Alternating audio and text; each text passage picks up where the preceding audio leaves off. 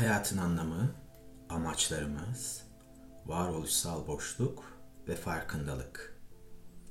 İnsan biyolojik, sosyolojik ve psikolojik bir varlıktır. Biyolojik olarak maddesel bir yapıya sahip, dik duruşa, gelişmiş bir beyine, dil kullanarak konuşma kabiliyetine sahiptir. Sosyolojik olarak bir ailede ve toplumda doğar o toplum ve ailenin içinde büyür, gelişir. O aile ve toplumun din, dil ve kültür gibi öğelerini öğrenir.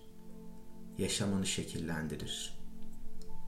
Son olarak insan psikolojik bir varlıktır. Duygu, düşünce ve davranış gibi psikolojik süreçleri yaşar. Bu süreçler birbirini etkileyerek gelişim ve değişim sağlar. Genel olarak bakıldığında insan bu üç özelliğiyle varoluş kazanır. İnsan dünyadaki bir takım şeylere anlam verebilen, anlam üretebilen tek canlıdır. İnsan rasyonelliği ve zekası sayesinde canlıları, nesneleri ve olayları anlamlandırmış, sınıflandırmış ve kendisi için yararlı şekilde kullanmıştır. Bu yüklediğimiz anlamlar bizim bilincimizin ürünüdür. İnsan yalnız kendisinin dışındaki şeylere anlam vermez. Kendi varoluşuna da anlam verir. Eğer her şey anlamsız geliyorsa kendi varoluşu da anlamsızlaşacaktır. İnsan kendisine ve diğer şeylere anlam verdiği ölçüde amaçlar geliştirebilir. Bu bakımdan anlam ve amaç birbirinden bağımsız değildir.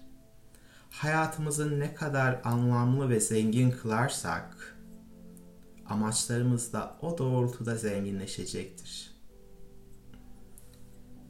kendi varoluşuna ve diğer şeylere anlam veremeyen ve kendine göre amaçlar edinemeyen insanlar boşluk duygusu yaşarlar. Varoluşsal boşluk anlamlı bulduğumuz amaçlara yönelemediğimizde kendisini gösterir. Hemen her insan zaman zaman duygusal boşluk içine düşebilir.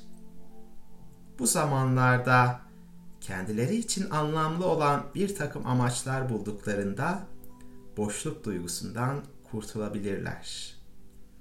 İnsan kendisi ve varoluşu arasında kendine anlamlı gelen bir bağ kurması ve amaçlarına doğru istekle yürümesi önemlidir.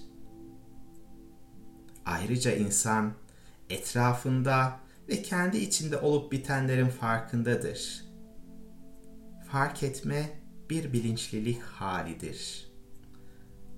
Farklı fark etme düzeyleri vardır.